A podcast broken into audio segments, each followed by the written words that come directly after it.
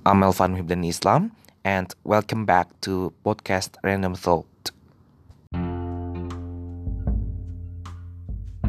Oke, di part 2 ini gue bakal ngebahas tentang perencanaan jangka pendek.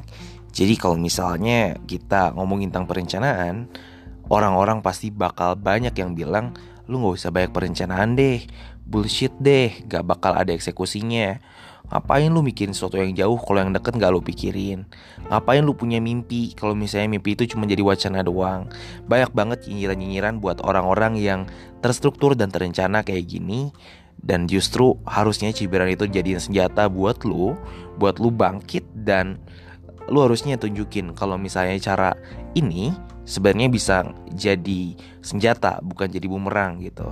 Nah, kebanyakan omongan-omongan kayak gini itu datang karena mereka nggak tahu kalau sebenarnya perencanaan itu nggak cuma tentang lu lu pengen sesuatu yang panjang loh gitu karena gue pernah ngedengar dari uh, pernah ngedengar dari suatu podcast juga ada seorang yang bilang kayak gini kalau misalnya lu nggak mampu ngerencanain sesuatu yang sederhana dan yang jangka pendek lu nggak akan pernah mampu ngerencanain sesuatu yang jangka panjang dan mencapainya.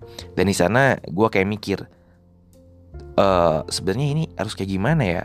Kalau misalnya jangka pendek gue nggak bisa, jangka panjang nggak bisa, kan cuma ngerencanain. Nah, pas mikir kayak gini, salah nggak sih?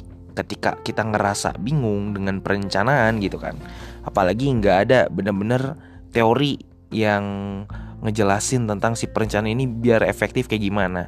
Karena planning itu balik lagi ke orang yang planning itu sendiri.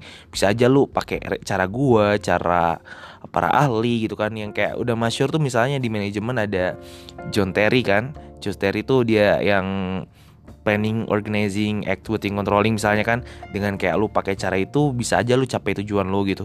Tapi kan banyak banget cara-cara itu. Tapi nggak bisa kita pakai langsung. Praktis dipakai buat kehidupan sehari-hari. Dan ini kenapa di di episode kali ini gue mau ngebahas tentang perencanaan jangka pendek. Nah itu latar belakangnya. Nah tentang si perencanaan jangka pendek ini lo harus tahu bahwa sebenarnya dalam kehidupan kita ini ada hal-hal yang terdekat dengan kita di mana ini tuh menjadi suatu kewajiban tanggung jawab kita dan kita harus nyelesain ini nah Kebanyakan kita tumpang tindih antara satu hal dan hal lainnya karena kita bingung banyak banget tugas yang harus lu kerjain dan lu ngerasa kok waktu gua 24 jam kurang ya gitu. Dan banyak keluhan-keluhan lainnya karena tugas yang begitu banyak sedangkan waktu tetap 24 jam. Nah, langsung aja deh prakteknya. Gimana caranya? kita nggak rencanain sesuatu itu efektif di jangka pendek. Nah pertama, oh ya uh, sebelum gue jelasin, uh, eh, gue saranin lu pegang kertas, cari kertas sama pulpen karena menurut gue sampai sekarang ini salah satu cara yang paling efektif buat gue ngerencanain sesuatu. Jadi uh, di kertas itu pertama lu tulis apa yang harus lu lakuin. Maksud gue kayak tugas-tugas lu misalnya nih ya, gue ngelis nih. Pertama gue harus ngefollow up ngefollow up yang namanya tuh siat ke dekanat. Nah, siat ini adalah sistem informasi akademik terpadu. Oke, terus gue tulis lagi, gue harus ngerjain tugas metode penelitian sosial. Terus gue harus rapat rutin di DKM. Terus gue harus follow up uh, program kerja yang ada di Inspirator Indonesia. Nah, terus kayak gue list gitu, sampai misalnya seingat lu aja, jadi uh, lu bisa ngelakuin ini kapan pun dan Eh, di waktu-waktu yang senggang pokoknya ketika lu ngerasa lu lagi diem uh, lagi gabut lu bisa lakuin ini karena inilah yang bakal nentuin keefektifan lu nanti uh, ngejalanin keseharian gitu ketika lu udah ngelis itu lebih enak nah jadi secara random dulu lu list nah misalnya terus setelah itu misalnya timbul uh, di sana tuh ada 10 ada 10 list Nah, setelah ada 10 list, lo di sana tarik garis dari yang pertama ini. Misalnya kira-kira ini bisa hari apa ya? Ini bisa hari apa ya? Dan kayak lu harus tahu deadline itu gitu. Jadi kayak lu kira-kira deadline oh ini tuh harus cepatnya oh ini tuh bisa agak nyantai. Atau bahasanya tuh ada ada uh, kotak ada empat kotak lu pasti pernah dengar yang namanya tuh penting sangat genting penting. Terus penting genting tidak penting tidak genting yang kayak gitu kan yang ada empat.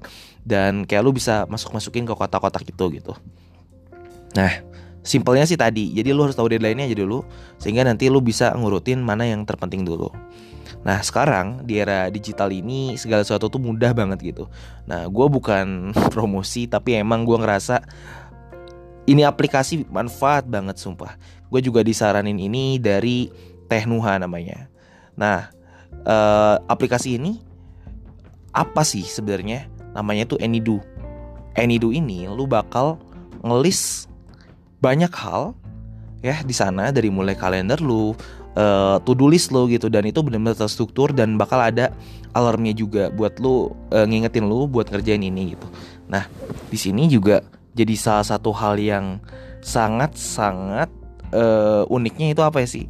Jadi kayak ketika lo ngelis ini tuh nanti ada kotak-kotaknya juga lo bisa ngegolongin misalnya ini kuliah terus ini main gitu terus ini organisasi dan uh, nanti semua itu ada di bagian-bagiannya itu. Jadi to do list itu nggak acak-acakan nggak cuman lu tugas ini ini ini ini aja gitu. Tapi di sana terstruktur rapi nah gimana nih sekarang? Nah kalau misalnya lu mau ngikutin uh, apa kata gue tadi jadi setelah lu tadi udah nulis di kertas lu download tuh aplikasi any.do ini. Terus lu coba buka nah di sana lu masukin uh, lu tentuin ada berapa hal sih yang bakal lo masukin ke dalam aktivitas hari-harian lo gitu misalnya kuliah, organisasi, lomba misalnya atau main gitu kan dimasukin satu-satu. Nah terus di sana lu masukin kalau misalnya tugas-tugas lu masukin ke kuliah, rapat rapat-rapat masukin ke organisasi. Jadi setelah dimasukin tuh nanti ada ini juga ada tenggat waktunya, lu tentuin ini tuh selesai kapan kayak gitu kan. Nah kayak gitu. Ini langkah awal nih ketika lu mau uh, ngerencanain perencanaan jangka pendek. Karena nantinya ketika lu udah ngelakuin ini nanti ada titik-titik di si Anidu di aplikasi ini yang nunjukin ke lu tuh oh iya lu tuh belum belum ini belum ini belum ini. Dan lu ngerasa oh ternyata gue tuh banyak kegiatan gak gabut gitu. Uh, lu kebanyakan diem aja sebenarnya. Ngerasa gabut ngerasa banyak hal yang nggak bisa dilakuin padahal banyak yang harus lu lakuin tapi lu nggak action gitu. Jadi kan kita tuh kebanyakan talk only do less gitu ya kok nggak salah gitu bahasanya. Jadi ya uh, itu tuh jadi jadi bumerang buat kita. Kayak ya kita ngomong doang tapi nggak ngelaksain sesuatu apa pun gitu. Kayak gitu. Nah terus uh, itu langkah awal ya. Kedua di sana tuh lo bisa masukin juga uh, perencanaan lo yang lo mau capai gitu. Apa sih yang lo mau kejar di waktu terdekat ini misalnya satu atau dua minggu ini misalnya lu harus menyelesaikan bacaan baca buku misalnya baca buku dunia Shopee selama dua minggu. Nah lu ntar bisa tentuin juga di aplikasi itu lu tinggal masukin gitu. Dan ada remindernya juga gitu kan. Pokoknya apa ya namanya? Ini simple sih ini simple dan jujur aja gue pakai aplikasi ini baru sebulanan lebih lah ya. Karena sebelumnya gue tuh pakai ini color note. Jadi gue pakai aplikasi lain juga karena gue sendiri kalau bawa buku ke mana-mana kadang-kadang agak repot dan gue orangnya agak ceroboh. Jadi kadang bukunya hilang gitu. Nah jadi kalau di HP tuh karena HP mungkin lebih berharga ya. Kalau buku mungkin maksudnya buku catatan ya. Kalau buku bacaan gue juga sangat apik. Tapi kalau buku tulisan gue udah sering banget hilang. Buku catatan kuliah aja tiga semester gue hilang tiga kali. Setiap mau TS hilang ya nah kayak gitu ya. Jadi uh, lu bisa pakai si aplikasi ini buat ngebantu lu buat ngebantu lu dalam merencanakan harian, perencanaan jangka pendek. Tapi inget, tahapan-tahapannya itu dari tadi dari mulai random dulu lu tulis apa sih yang harus lu lakuin, nanti terus lu masukin uh, tenggat waktunya kapan, tentuin prioritas mana yang harus dilakuin dulu gitu. Kayak gitu. Dan hal lainnya yang harus lu tahu adalah perencanaan ini adalah bagian tahapan lu buat mencapai kesuksesan. Jadi kalau misalnya lu udah nyepelein udahlah santai aja let it flow aja jalan aja gitu. Kayak berarti lu udah nyepelein hal yang lu pengen capai di masa depan. Kalau misalnya untuk hal kecil aja kita nggak bisa nggak bisa apa namanya ya? Kalau hal kecil aja kita nggak bisa menghargai, bagaimana kita menghargai hal besar?